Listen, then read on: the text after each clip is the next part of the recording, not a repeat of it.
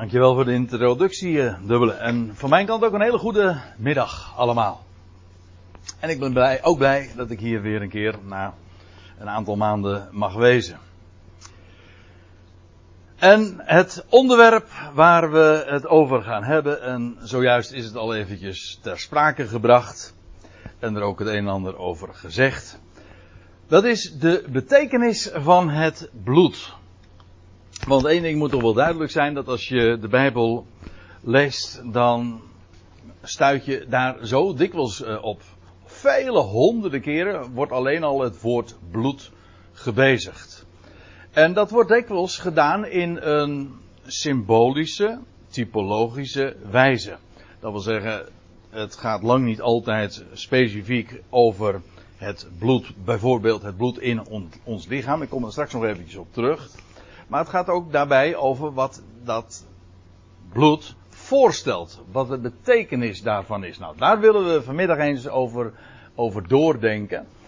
Uh, laat ik uh, als uh, inleiding ook eventjes dit zeggen.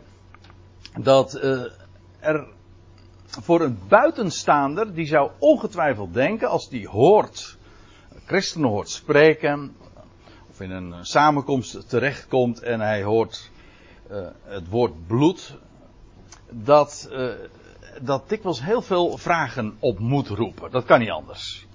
Want, kijk, je kunt nog zeggen dat in een bepaald verband kan het heel logisch zijn. Begrijpelijk, logisch taalgebruik. Bijvoorbeeld, als er gesproken wordt over bloed dat vergoten wordt. Dat is niet zo moeilijk. Ook zelfs in het algemeen spraakgebruik gebruiken we, we die term. Bloed dat vergoten wordt. Of uh, als er gesproken wordt in Colossense over het bloed van het kruis. Die associatie is heel gemakkelijk en daar hoef je helemaal niks, geen bruggetje voor te maken. Je begrijpt het eigenlijk meteen. Ondanks het feit overigens, maar daar komen we straks wel over te spreken, dat er nog veel meer achter zit dan we zouden vermoeden. Maar of het uh, over een lam dat geslacht wordt en dan dat je dan ook leest, zoals dat staat in Openbaring 5, over geslacht en gekocht met uw bloed. Hier wordt het al iets lastiger, want weliswaar de link tussen slachting en bloed, ja, die ligt nogal voor de hand. Daar hoef je geen gedachtensprongetjes voor te maken of linken, associaties voor te doen. Dat is uh, heel begrijpelijk. Ligt zo voor het oprapen. Bij gekocht ligt het alweer moeilijker. Gekocht met het bloed. Hoewel, als je daar ook een klein beetje over doordenkt, begrijp je dat ook wel.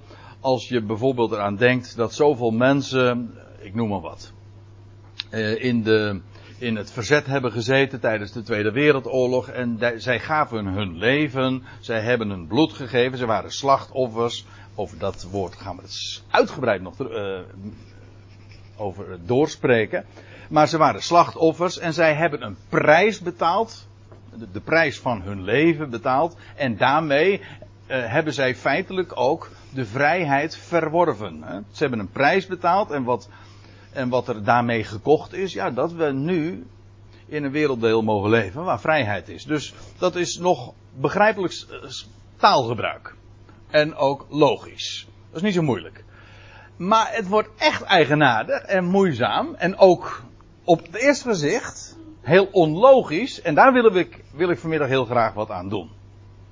Want op het moment dat iets, dat zeg ik even terzijde, op het moment dat iets onlogisch is, dan heb je iets in het woord niet begrepen. Ik ga er maar vanuit, het woordje, ik kan het zo, zo gemakkelijk eigenlijk ook uitleggen. Het woordje logisch komt van het Griekse woord logos. En logos, dat is gewoon het woord voor woord. En als iets onlogisch is, dan, dan begrijp je dat woord kennelijk niet. En dat, dat is wat er aan de hand is. Dat wil zeggen, eh, als daar eh, een, een uitdrukking gebezigd wordt in wat is het? In openbaring 1 wordt dit, uh, wordt dit gezegd. Gewassen in het bloed van het lam. En ik had het zojuist eventjes over, over een buitenstaander. Die komt in een kerkdienst of die komt in een samenkomst. Of hij hoort iemand spreken over ja, ik ben gewassen door het bloed van het lam.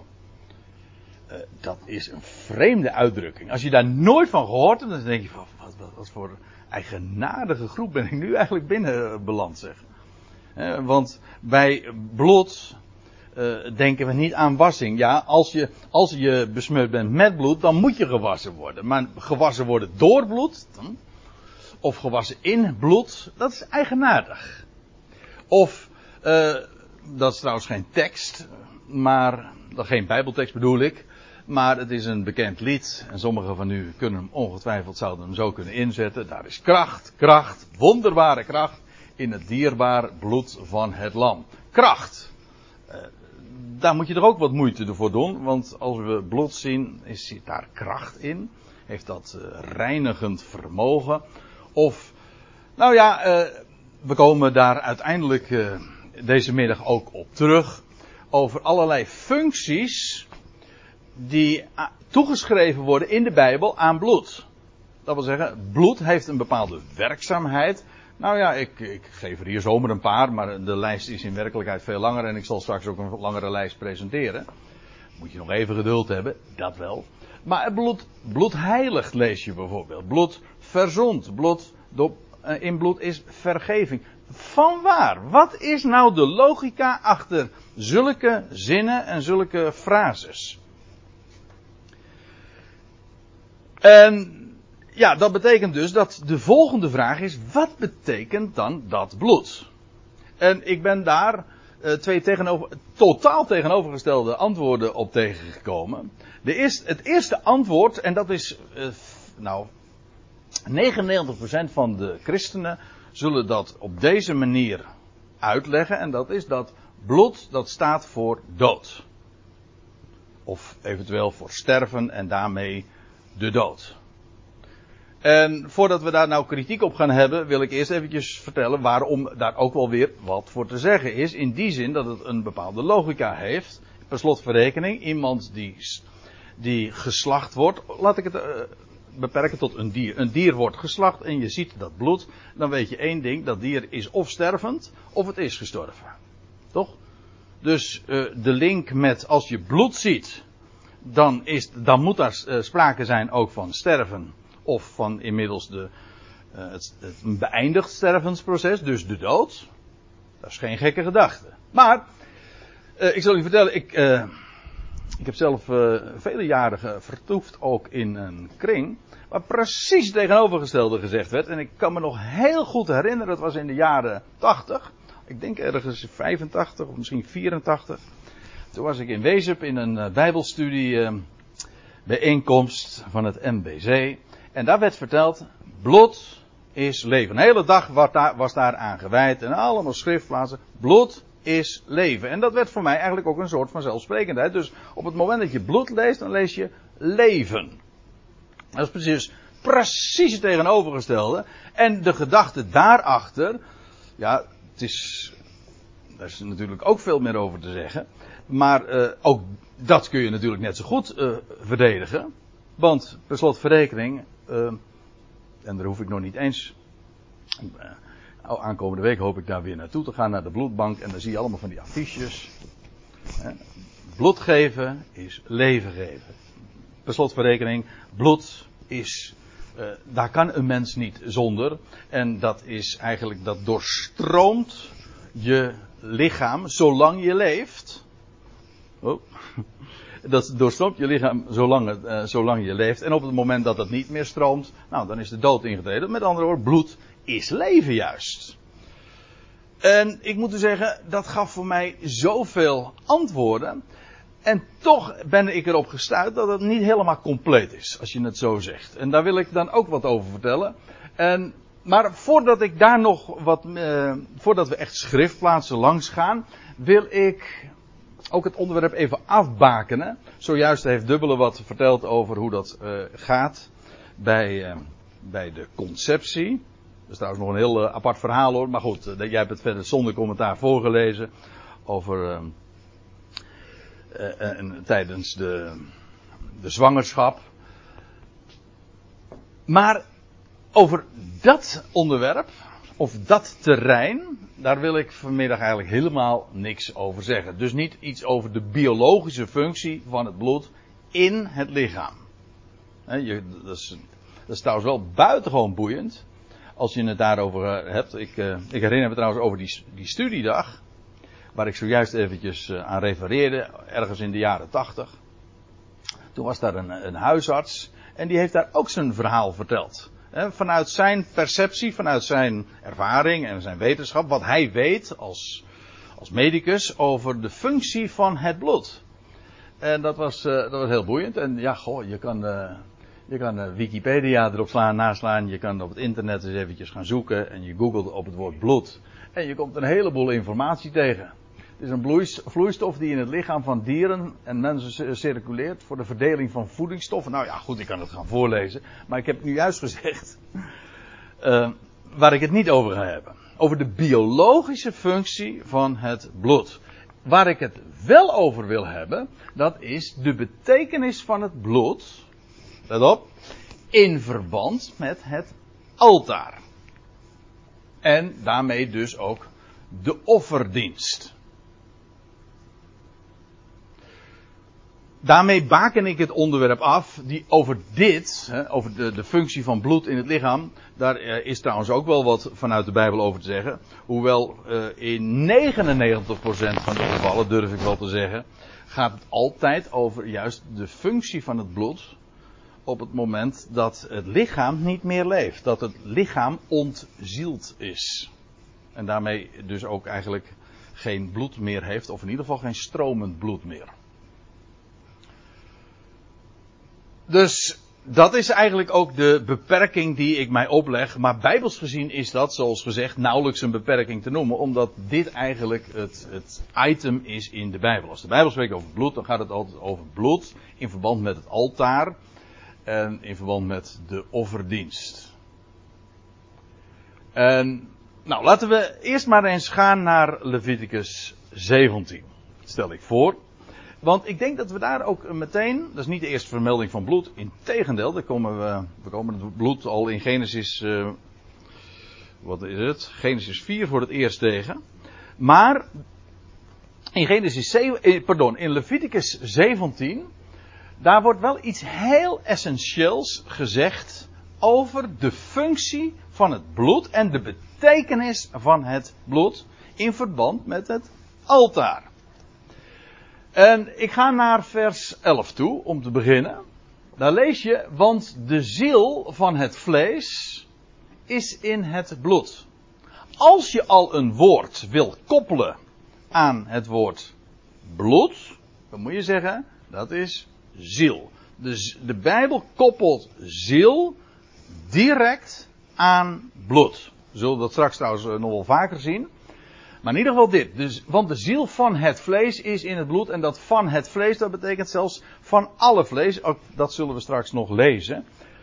Dat wil zeggen, niet alleen dat van, eh, van de mens. De mens is, lees je in Genesis 2 al, de mens, ja, in, in uw MBG-vertaling niet. Nou ja, ik weet dat ik hier in gezelschap ben waar uh, meestal de Statenvertaling gelezen wordt. Maar, en in de Statenvertaling staat het correct. Tenminste in de oude nog wel. Ik weet niet hoe dat in de nieuwere dan weer is. Maar uh, er staat in, Levide, eh, pardon, in Genesis 2 dat als de mens Adam geformeerd wordt. En dan staat er dat de, de neshama, de, de levensadem in hem geblazen wordt. En dan staat erachter. En alzo werd de mens een levende ziel. Dat is uh, van belang. De Bijbel heeft een heel ander zielsbegrip dan wat wij doorgaans daarover uh, spreken. Wij, zeggen dan van een mens heeft een ziel. Maar dat is strikt genomen niet waar. De mens is een ziel. En, en, en een ziel dat is een combinatie van geest en van, van stof uit de aardbodem. En dat tezamen is een ziel. En als dat ademt en als dat geest heeft, dus ruach, dan is het een levende ziel. Als die de geest weer geeft, dan is die een dode ziel. Nou. Dus het hele idee, dat komt uit de Griekse filosofie, niet uit de Bijbel, van een onsterfelijke ziel, dat, dat kent de schrift niet. De, de Bijbel zegt bijvoorbeeld, de ziel die zondigt, die sterft, die of zal sterven. Nou, dat, staat dus haaks op het hele platonische idee.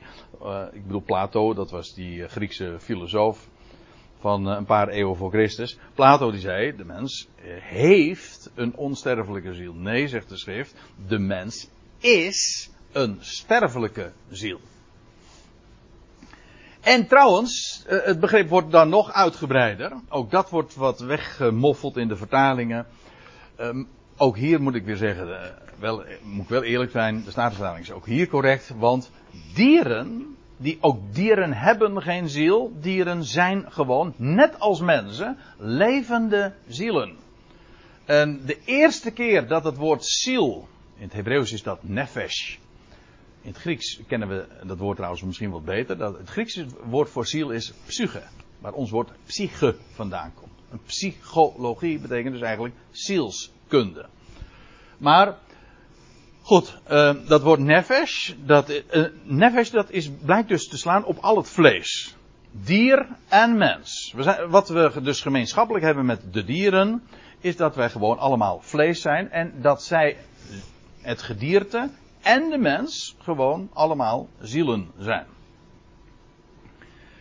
En de eerste keren dat het woordje nefesh, shil, wordt gebezigd, in Genesis 1 al 1, 2, 3, 4 keer, dan uh, blijkt het dus betrekking te hebben op de mens. Uh, pardon, op dieren. En pas in Genesis 2 lees je uh, dat de mens ook genoemd wordt een ziel. Maar goed, wat, is nou de essentie, wat is de ziel van het vlees? Waar zit hem dat in? En dan begrijp je eigenlijk ook meteen waarom mens en dier ziel is. Wel, dat is gelegen in het bloed. En zowel het gedierte als de mens, bij gedierte, bij gedierte kan het dan alweer allerlei vormen aannemen van bloed, maar dan moet u weer even bij Wikipedia terugkijken, want dan is de biologische aspecten. Maar gewoon dieren hebben bloed. In welke vorm dan ook. En dat bloed, dat is karakteristiek voor het vlees. En dat, dat is eigenlijk ook de ziel. De ziel van het vlees is in het bloed gelegen. Dat, dat is de Bijbelse definitie daarvan. En zegt uh, God, want de Heer zelf is hier, Jaweh is hier aan het woord en hij zegt dit tegen Mozes. En Mozes moest dat vervolgens uh, doorgeven. En ik heb het u, of jullie, ik geloof dat het meervoud staat, en ik heb het u op het altaar gegeven. Kijk, en hier zie je dus meteen dat bloed in verband met het altaar. Ik, zegt God, ik heb dat bloed aan jullie voor op het altaar gegeven. Dat zijn op zich alweer twee dingen. Ik, ik wil er nu alvast eventjes op wijzen. Kijk, hier eventjes zo'n voorstelling. Dit kan nooit trouwens brand over altaar zijn, want dat is veel groter. Maar goed, het gaat me even om het idee van, je hebt eerst dus een dier dat geslacht wordt. Het bloed van zo'n dier werd opgevangen en vervolgens, daarna, kwam dat bloed, ja, nou ja, dat, uh, wat er allemaal mee gebeurde, het kwam in ieder geval in aanraking met het altaar.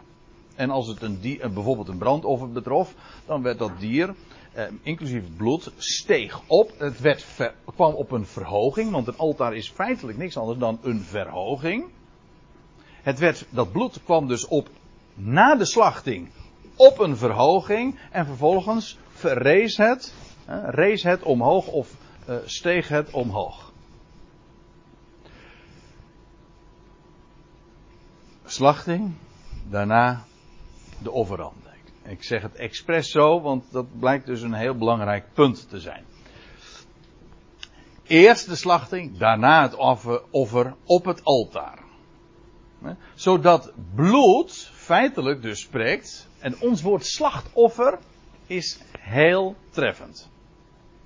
Want dat is precies uh, wat het is. Een slachtoffer, uh, dat wil zeggen, eerst wordt een dier ges, geslacht. En vervolgens werd het geofferd. Alleen, als een dier alleen maar geslacht werd, was het nog geen offer.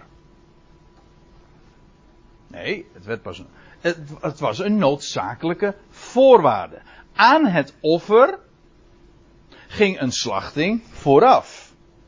Maar het eigenlijke offer vond plaats na de slachting. En Kijk, daar heb je trouwens meteen alweer een, een probleempje dat zich voordoet in onze taal. Want wij uh, spreken over slachtoffer, en ik heb het dus nagekeken in de, in een, in een nou niet een in een woordenboek was dit, uh, dan, dan wordt slachtoffer gedefinieerd wie buiten iemand, wie buiten zijn schuld schade leidt. Dan ben je een slachtoffer. en dan spreken wij bijvoorbeeld uh, over slachtoffers in allerlei contexten, bijvoorbeeld verkeersslachtoffers, uh, oorlogsslachtoffers, geweldslachtoffers, etc. Maar, nou zie je meteen ook hoe dat woordje bij ons, slachtoffer, uh, een enorme reductie heeft ondergaan. Dat wil zeggen een waardevermindering. Want dan bij verkeersslachtoffers is er weliswaar sprake van bloed. En bij oorlogsslachtoffers ook van, van bloedvergieten. Maar er is geen sprake van een offerand. Van een offerande.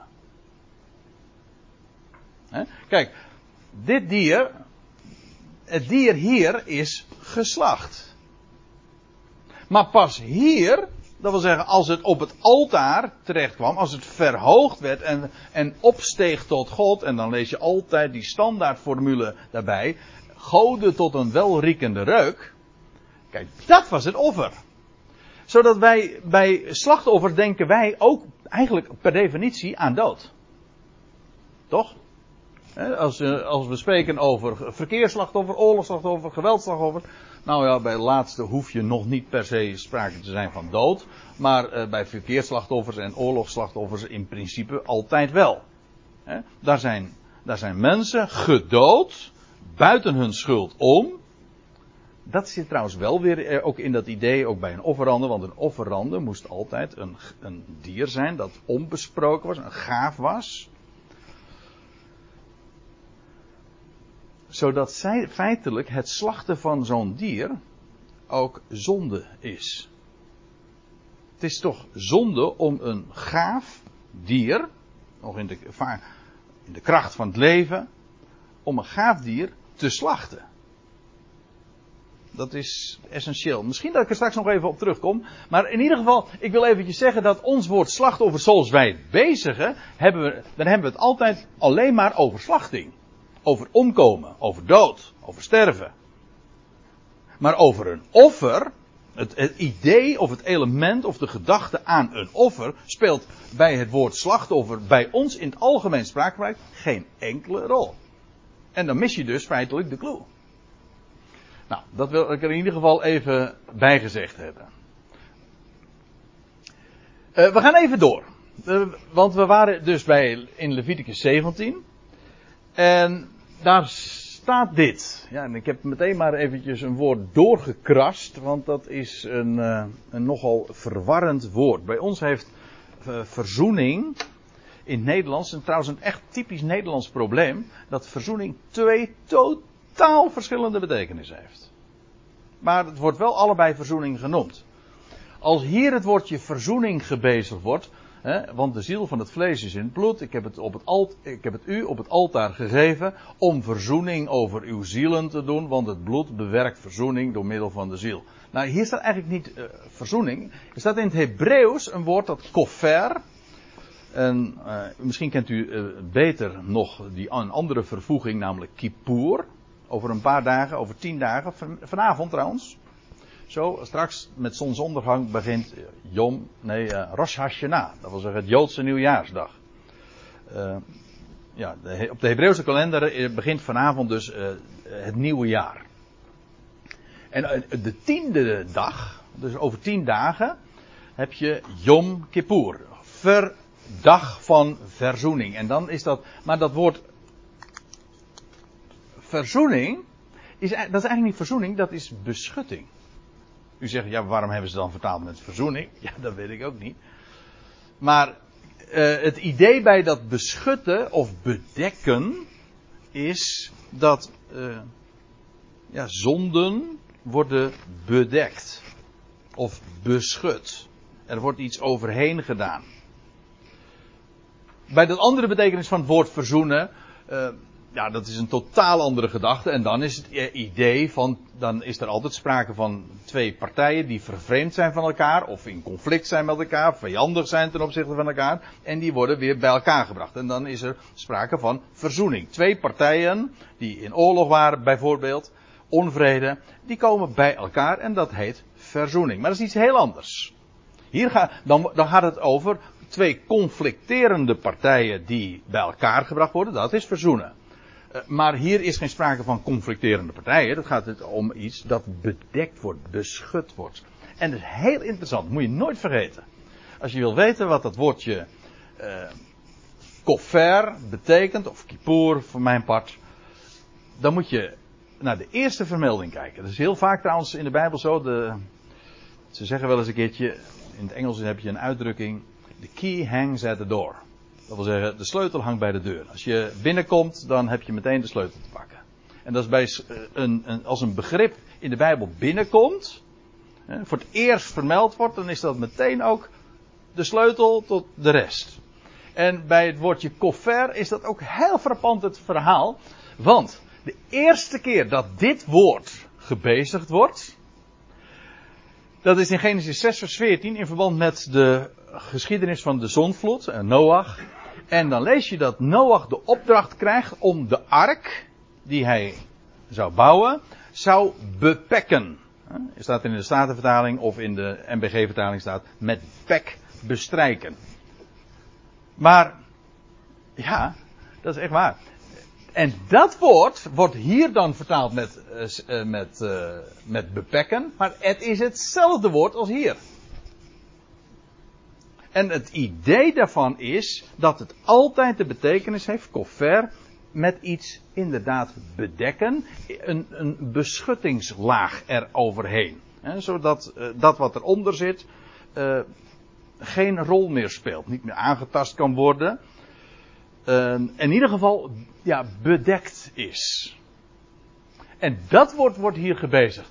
De ziel van het vlees is in het bloed. Ik heb het u op het altaar gegeven om beschutting of bedekking over uw zielen te doen. Want het bloed bewerkt bedekking of beschutting door middel van de ziel. Hè, dat in het bloed is. Want, wat, ik lees nu eventjes verder in vers 14 dus. Want wat de ziel van alle vlees betreft. Hier zie je trouwens wat ik al eerder zei. Het gaat niet alleen over de mens, het gaat over gewoon alle vlees. Want wat de ziel van alle vlees betreft, het bloed ervan is zijn ziel.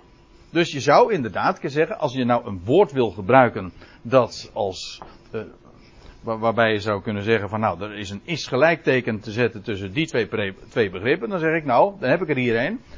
De schrift levert hem namelijk zelf en dat is bloed is ziel. Die twee die zijn onderling uitwisselbaar. Bloed is ziel. En daarom, zegt, uh, staat er vervolgens, daarom heb ik tot de Israëlieten gezegd, gij zult van geen vlees, bloed eten, want de ziel van alle vlees is in het bloed. En dat is zo heilig zelfs, dat de wetgeving in Israël zodanig was, gewoon de nationale wetgeving, wie wel eh, bloed at, die werd zelfs uitgeroeid. Uit het midden van het volk werd hij verwijderd, zo staat het.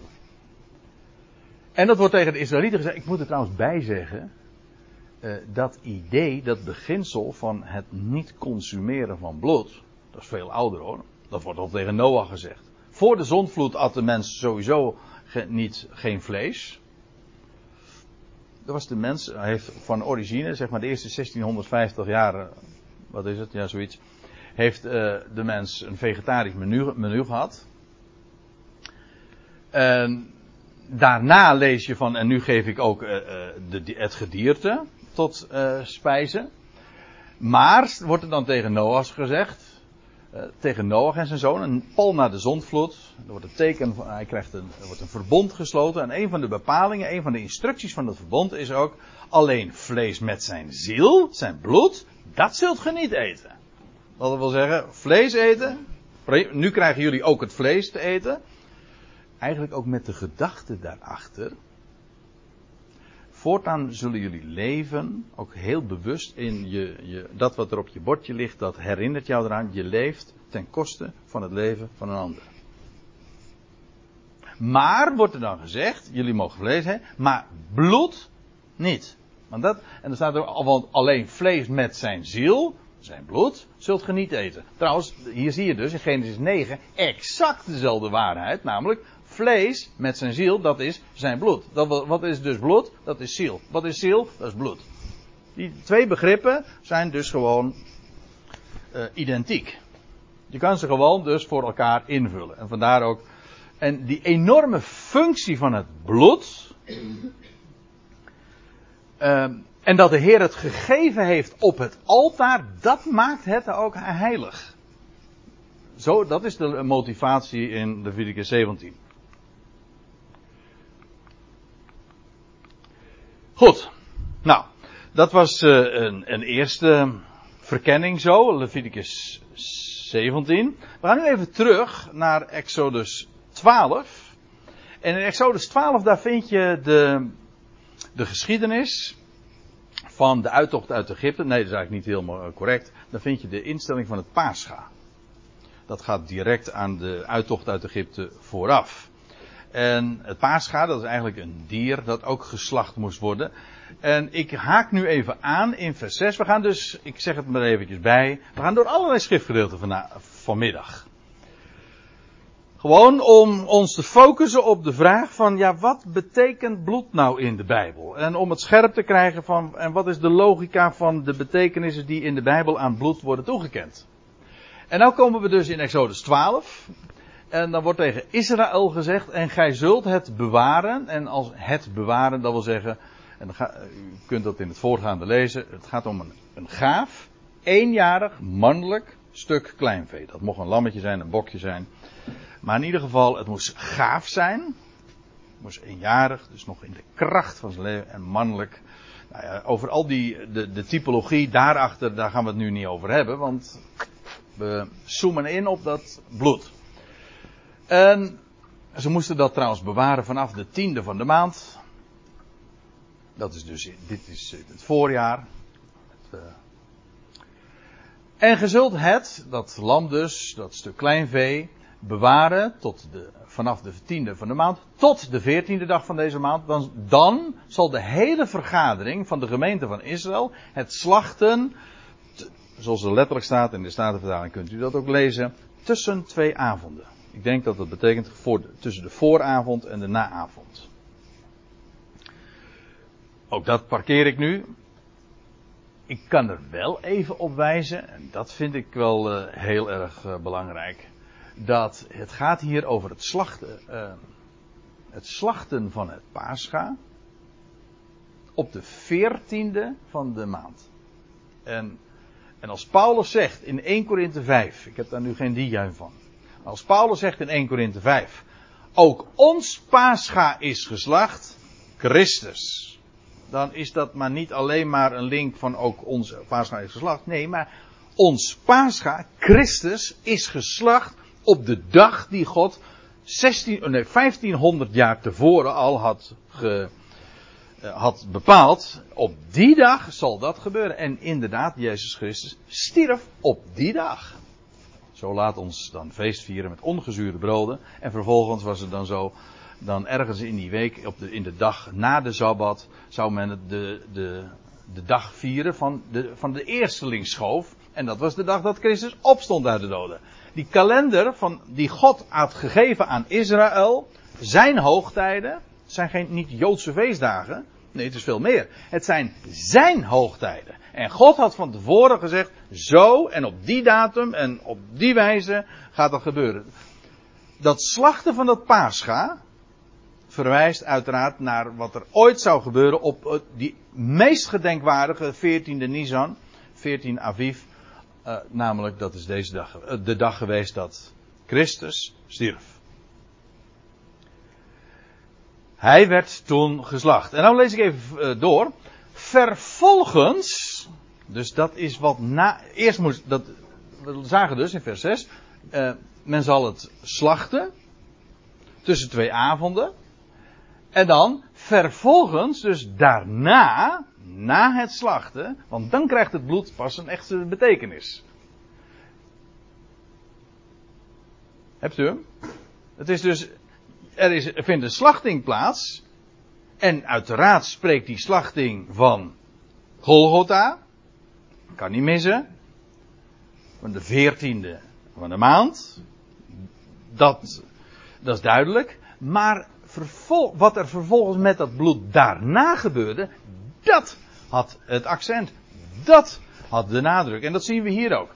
Vervolgens zal men van het bloed nemen, want ja, dat dier werd geslacht en het bloed werd, werd opgevangen.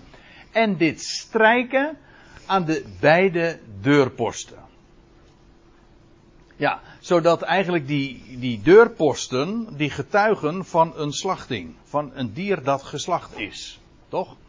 De deur getuigt van het slachtoffer. Maar, ik zeg erbij, de deur getuigt van een slachtoffer. U begrijpt toch wel dat als je een, een, een deur ziet. Elk huis, elk woonhuis van de Israëlieten. Eh, daar werd een dier geslacht op die veertiende. En vervolgens dat bloed werd opgevangen. Werd aan de deurposten en de dorpels enzovoort. Werd dat uh, gesmeerd. En dat, herinner, dat, dat, dat zien van, die bloed, van dat bloed, dat herinnert uiteraard aan het, feit dat een dier geslacht is. En als je zegt, oh, dus getuigt die, dat bloed van, van dood. Ah, ah, niet waar. Het getuigt van een slachtoffer, dat wel. Maar niet van dood. Want we lezen door. En het bloed, nou zijn we in vers 13 trouwens, want ik skip eventjes een aantal versen. En het bloed zal u dienen als een teken aan de huizen aan de huizen waar gij zijt. En wanneer ik het bloed zie, dan ga ik u voorbij. Het ging dus nu niet eens om, om het feit dat de Israëlieten dat bloed zagen. En hoe zij zich voelden, dat was allemaal niet van belang. Als ik, zegt Jaweh, dat bloed zie, dan ga ik u voorbij. En al dus zal er geen verdervende plaag onder u zijn wanneer ik het land Egypte sla, want u weet hoe dat ging bij die gelegenheid werden alle eerstgeborenen in het hele land geslagen en stierven. Zodat dit teken aan de deuren van Israëls huizen, spreekt dat nou van dood of van leven? Nou, het lijkt mij moeilijk. Het was een teken aan de huizen. Juist die deuren, die deuren getuigden van een slachtoffer, maar juist door dat slachtoffer werden die deuren feitelijk levende deuren. Die deur getuigt van leven. Juist als de Heer zag, daar zie ik het bloed. Dan ga, hij ging dan voorbij, hij sprong voorbij. Paascha betekent eigenlijk ook voorbij springen. Hij, hij, hij passeerde, dat is ook een mooie trouwens, want ons woord passeren, passeren heeft eigenlijk ook betekenis van voorbij gaan, maar komt eigenlijk van paascha. Iets passeer, pasen, voorbij gaan. En dat, een pasen, dat spreekt van leven, dat passeren. Dat wil zeggen, jullie zullen niet doodgaan, jullie zullen niet sterven, jullie zullen niet omkomen, maar jullie leven. En dat is waar die deur feitelijk van getuigde. Het die deur getuigt van een slachtoffer, jawel, maar niet van dood, maar van leven. En nou heb ik, ja, de bebloede deur spreekt van leven. En, nou, ik kan natuurlijk dat nu meteen al een beetje gaan samenvatten, maar laten we eerst nog wat, wat meer schriftgegevens verzamelen. Gaan we bij een andere bepaling, en ik heb me echt uh, heel erg moeten inperken vanmiddag.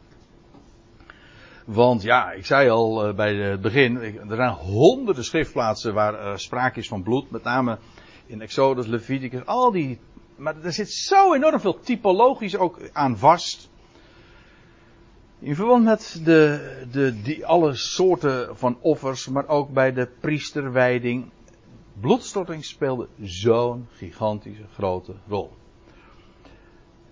En altijd is het veelzeggend maar daarom heb ik, uh, ja, ik heb een keuze moeten maken. Maar Leviticus 14 is een, hele wel, uh, is een heel sprekend voorbeeld. Leviticus 13 en 14, daar gaat het over een, de wetgeving op de meelaatsheid.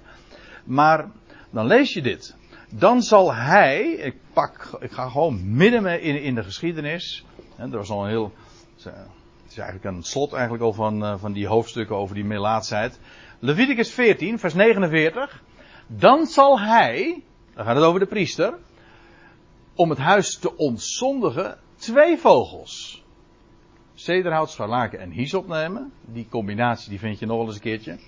Zederhout, scharlaken en hyssop. Dat was feitelijk ook om een kwast uh, daarvan te maken. Om het te, ja, om daarmee te bedekken en te beschutten. ik laat dat zederhouten scharlaken en hyssop even nu, dat, dat, parkeer ik, dat, dat laten we het even. Het gaat erom, hij, de priester zal twee vogels nemen. Met dus die bijbehorende dingen. Hij zal de ene vogel slachten. Boven een aardepot met levend water. Stromend water. Maar dat water getuigt dus van leven. Jawel, maar kom, nou nog, komen we nog wat verder. Vers 51. Zederhout, de hyssop, het scharlaken. En de levende vogel zal hij, die priester, nemen. Dus hij neemt die levende vogel. En ze dopen. Onderdompelen zo. In het bloed van de geslachte vogel. En, dat, en het levende water. Dat is eigenaardig wat hij doet. Hij neemt, er zijn dus er is sprake van twee vogels. Een, de ene wordt geslacht. De andere, de levende vogel, die wordt ondergedompeld in het bloed van die eerste vogel. En vervolgens ook in, het, en, het, en uh, in dat levende water. En let op, dan staat er in vers 53. En de levende vogel zal hij buiten de stad in het open veld laten wegvliegen. Nou, dit lijkt me toch uh, een, uh, wel een heel sprekend verhaal. Waarbij je ook meteen ziet waar een slachtoffer van spreekt. Gewoon hier al in het Oude Testament dus. Hè? Niet pas in het Nieuwe Testament. Nee, hier in het Oude Testament zie je al waar zo'n slachtoffer een beeld van is. Want feitelijk, die levende vogel, die losgelaten wordt in het open veld, buiten de stad, buiten de legerplaats, is identiek, is geïdentificeerd eerst met die geslachten. Het zijn twee vogels, die ene wordt geslacht, maar die levende vogel werd gedompeld in het bloed, dus bebloed met, laat ik het nog anders zeggen, met het bloed van het geslachte ging de levende vogel zo omhoog buiten de stad en werd losgelaten in vrijheid. En daarmee heb je gezegd, als het mij vraagt, waar bloed van spreekt. Namelijk het spreekt van het slachtoffer. Van inderdaad slachting. Dat is essentieel. Dat gaat eraan vooraf. Maar van het slachtoffer. Het offer, dat zit hem juist in dat wat na de slachting plaatsvindt. Die levende vogel werd gedoopt, gedompeld in het bloed. En met dat bloed ging die zo buiten de stad vloog hij in vrijheid. In, en dat spreekt van leven natuurlijk. En een van de. Ja, dat is toch echt een, een, een gigantisch uh, inzicht. Wat je moet krijgen als je de, als je de offerdienst gaat, gaat verstaan. Dat is dat alles spreekt, uiteraard, dat is op voorhand, hè, van Jezus Christus. Maar denk nou niet dat het allemaal dus slaat op uh, het kruis hoe vaak hoor ik het niet zeggen? Mensen zeggen, het is voor de meeste mensen een vanzelfsprekendheid als je vraagt van, wat is, eh, wat is het offer van Jezus Christus? Geheid, nou ik denk, ik zeg 99, maar ik vermoedelijk is het nog meer, zeggen de mensen van, oh dat, het offer van Jezus Christus, vraag het aan een christen, dat spreekt dat, eh, van Golgotha. En dan zeg ik, daar geloof ik niks van. Het offer van Jezus Christus, dat is dat hij na zijn slachting, nadat hij stierf, verhoogd werd, op het altaar terecht kwam, en opsteeg uit de doden. Of in het beeld van de Pascha, dat hij geslacht werd, inderdaad op de daarvoor bepaalde datum. Hij werd geslacht en vervolgens werd na de slachting werd hij die levende deur. Die, dat, die garant stond voor leven. Of Leviticus 14, want je kan natuurlijk de, de lijst nou bijkans oneindig maken. Maar hier in Leviticus 14 is het die levende vogel die gespreekt van Christus. Namelijk de geslachte. Nee, nou ik zou het haar zeggen met de woorden van Romeinen 8, want dat, die, die schieten mij nu te binnen. Christus Jezus, die stierf, wat meer is, de opgewekte, dat is die levende vogel. En die inderdaad verrees, buiten de stad inderdaad zich onttrok aan het zicht. U begrijpt waar ik op doel, hè? buiten de legerplaats. Stond hij op trouwens uit de doden ook. Hij stierf, stond op. En hij voert ten hemel buiten de legerplaats in vrijheid. Maar hij is de levende. Maar hij herinnert, en dat is nu juist waar dat bloed dan weer van spreekt. Hij is daar nu, de levende. Maar alles aan hem herinnert ooit aan de prijs die hij betaald heeft. Als we de hem zien, worden we altijd herinnerd aan zijn slachting. Ik zeg erbij, ik geloof, men zegt dat wel eens een keertje onnadenkend, vermoed ik. Uh, uh, over de wonden, bijvoorbeeld dat Thomas de wonden in Jezus' handen zag, maar hij zag niet zijn wonden, hij zag de tekenen. Het waren geen wonden. Een opstandingslichaam heeft geen wonden. Dat is volmaakt. Maar Jezus Christus is de levende, maar hij is gedompeld in dat bloed. Dat wil zeggen, hij herinnert aan de prijs die hij ooit heeft betaald. En dat blijft zo. Dat is nu zo. Ik zal het straks ook laten zien. En trouwens, als, is, als Israël straks in aanraking komt met Jezus, met hun Messias, weten zij veel wie het is, maar als zij in aanraking komen met met de Messias, dan zullen ze zien die zij doorstoken hebben. En ze zullen hem zien, hè, zoals Thomas hem zag. Met de, met de teken in zijn, wond, in, pardon, in zijn handen en in zijn voeten en in zijn zijden. De tekenen. Dat herinnert aan zijn slachting. Maar hij is de levende. Ik moet er aan denken, er staat in openbaring 1 dat Johannes in aanraking komt. Hè, dat hij dat visioen ziet van de Ben Adam, van de zoon des mensen. En dan staat er uh, dat, hij, dat, dat Jezus dan zijn, hij valt als dood voor zijn voet als hij hem ziet. En dan, dan, dan legt de Heer Jezus Christus zijn rechterhand op hem en zegt hij, vrees niet, want ik ben dood geweest en zie, ik leef tot in de Ionen.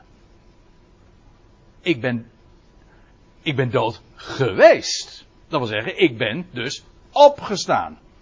En trouwens, dat bloed spreekt inderdaad ook nog eens een keer over de prijs die hij betaalde. Hij is niet alleen maar gestorven, hij is geslacht. Hij is, in feite zijn kruis spreekt ook van de vijandschap van de wereld. En dat heeft hij allemaal ondergaan. Hij heeft die prijs betaald. En die prijs is betaald, ja, voor wie? Hm? Voor allen. Dus, ik uh, herinnert u zich nog eh, de, de, de eerste dia met dat... Uh, met dat bloed, maar je zag ook dat hart. Het bloed en het hart heeft alles met elkaar te maken. En het hart is, staat weer, uh, is een embleem van liefde. Uiteraard. Dat, dat hart, dat kloppend hart, dat spreekt van Gods liefde.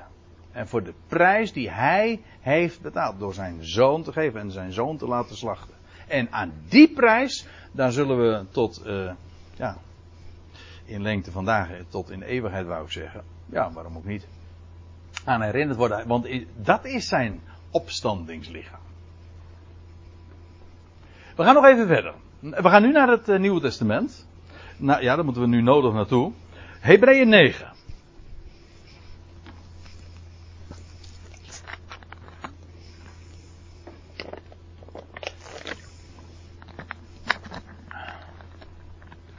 Hebreeën 9, nou u begrijpt aan de Hebreeënbrief, daar, uh, daar moeten we wat over zeggen. Want eigenlijk is dat, die brief, niks anders dan één groot commentaar op de hele offerdienst zoals, die, zoals Israël die kende. Zoals de Hebreeën die kenden. En het gaat ook uitgebreid, Hebreeën 9 met name, over... Over Christus. Die is in het heiligdom ingegaan. Trouwens, misschien mag ik er eventjes in dit verband op wijzen. Aankomende zaterdag. Zeg ik het goed? Ja, aankomende zaterdag. Dan uh, hebben we in, goed, uh, in Garderen een goed berichte conferentie. En dan zal Gerard, Gerard Odijn, u niet onbekend, die zal spreken over de hoge priester de hoge priester achter het voorhangsel. En ongetwijfeld, ik heb hem er verder niet zozeer over gesproken, maar ik weet één ding nu al zeker, hij gaat het over Hebreeën 9. Dat kan niet anders. Over de hoge priester achter het voorhangsel. Feitelijk ook over Yom Kippur daarmee dus. Eigenlijk is uh, die Hebreeënbrief ook een groot commentaar op, uh, op dat wat er op uh, Yom Kippur plaatsvond. Namelijk als de hoge priester inging in het heiligdom. Goed. Ik wil, ik moet mezelf eventjes disciplineren om, om bij het onderwerp te blijven. Ik lees voor, ik heb nu geen interlineair erbij, eronder staan. Ik ben er helaas niet meer aan toegekomen om dat zo te doen. Maar ik heb wel een hele. Ik heb wel een. De vertaling die u hier ziet, is, sluit wel op de interlineair aan. Het is dus een hele uh, sterk een woord voor woord weergave. Daar staat dit. Christus echter. Gaat over de tegenstelling. Over de hoge priesters zoals, zoals die bestonden onder het oude verbond. Christus echter, aankomend hoge priester van de komende goede dingen. Goederen, goederen dingen betekent eigenlijk dat is, dat is meervoud van goed. Namelijk goede dingen. al die goede dingen die God in petto heeft, wel, hij is de hoge priester van de komende goede dingen. En ik moet er trouwens nog iets bij zeggen, dat is heel belangrijk ook. Want dat wordt trouwens uitgebreid ook uitgelegd in de Hebreeënbrief, dat Christus hoge priester is. Ja, wanneer, waarom? Of, nee, niet waarom, maar sinds wanneer? Nou, u ziet het hier al staan. Sinds zijn opstanding. Dat is heel essentieel. Want hier op aarde was hij absoluut geen hoge priester. Wordt ook uitgelegd in Hebreeën 8. Als, uh, hier op aarde was hij geen hoge priester. In Hebreeën 7, vers 13 en 14 wordt het ook gezegd. En dan wordt er gezegd van ja, onze, onze Heer is uit de stam van Juda. Waarvan, uh, waarvan de wet niet spreekt over, uh, over priesterschap. Het priesterschap was gegeven aan de stam van Levi. Dus onder het oude verbond was de Heer absoluut geen hoge priester. Kon hij ook niet zijn, want dat is een stam van Juda. Hij is echter nu, sinds zijn opstanding, en dan staat erbij in Hebreeën 7, vers 16. U moet het, ik heb het expres maar eventjes zo de, de, bonnetjes erbij gelegd, dan, zodat u dat, uh, als u dat wilt, even kunt checken. Maar er staat dat hij hoge priester is, krachtens onvernietigbaar leven. Dat wil zeggen, hij is sinds zijn opstanding sinds hij leven aan het licht bracht dat onvernietigbaar is, is hij hoge priester, maar niet naar het model van Aaron, maar hoge priester naar, het, naar de ordening, naar het model van Melchizedek. En ik geef toe, als ik dit zeg, dan, uh, ja, dan, dan, moet ik, zou je ook moeten toelichten, maar dat doe ik nu uiteraard niet. Maar ja, de, Hebreeën 7 gaat daarover. Over wie die Melchizedek dan weer was en wat dat dan weer voorstelt. En Geweldige onderwerpen. Maar Christus is hoge. Dit moet je vasthouden. Christus is hoge priester. Sinds zijn opstanding. Hij is de opgewekte Christus, gezalfde. En gezalfd tot koning, priester. Hij is en priester en koning. Zoals ooit Melchizedek dat was. En wel, hij is die hoge priester. Hij is hoge priester van de komende goede dingen, die is, die is door de grotere en volmaaktere tent, of tabernakel, niet met handen gemaakt, dat is niet van deze schepping. Dat wil zeggen, uh, we hebben het nu over een echte hoge priester. De, wil de echte hoge priester opstaan? Nou, hij is opgestaan. En omdat hij opgestaan is, is die hoge priester. En bovendien, hij is in de echte tabernakel. En, boven, niet alleen, en ook veel groter. En ook nog veel volmaakter is die ingegaan. En dan, dan heeft de schrijver, Paulus denk ik, het dus niet over die tabernakel, die tent die hier op aarde was. Nee, over een veel volmaaktere en ook veel grotere, namelijk de hemelen, is hij ingegaan. Want daar is het heiligdom een beeld van, de woonplaats van God. Christus echter, aankomend hoge priester van de komende goede dingen, is door de grotere en volmaaktere tent niet met handen gemaakt. Dat is niet van deze schepping nog door bloed van geitenbokken en van kalveren, maar door zijn eigen bloed kwam hij binnen. Eenmaal tot in de heilige plaatsen. Het, heilige, het heilige der heiligen. Ionische, of zo u wilt, eeuwige vrijkoping vindend. Zo staat het er letterlijk. Dat wil zeggen, hij, oh, hier zie je trouwens ook bloed, koopt vrij. Maar even dit. Die hoge priester, hij is de levende hoge priester. Hij is hoge priester sinds zijn opstanding. Maar hij is ingegaan door zijn eigen bloed. Of zoals u waarschijnlijk in uw eigen vertaling hebt, met zijn eigen bloed. Die hoge priester ging dus in met zijn eigen bloed. Dus het idee is dus, die levende hoge priester is dezelfde als het geslachte dier. Dat misschien een beetje lastig, maar dat is de typologie die hier neergelegd wordt. In feite is het hetzelfde als wat we eerder zagen in verband met die vogels. Die levende vogel, die ging in, of die vloog op buiten de stad met het bloed van, dat, van die eerste vogel. Die, zijn, die, die wordt daarmee geïdentificeerd. Hij werd daarin gedoopt. Hij werd daar één mee gemaakt. En die levende vogel, gedoopt in het bloed en vloog in vrijheid en levend de hemel in. Nou, dat is precies wat deze hoge priester ook doet. Nou ja, dat is een iets ander beeld. De levende hoge priester, jawel, maar hij ging met zijn eigen bloed in. En die hoge priester, als de hoge priester daar nu is, daarboven, achter het voorhangsel, ontrokken aan ons oog, maar die hoge priester is daar.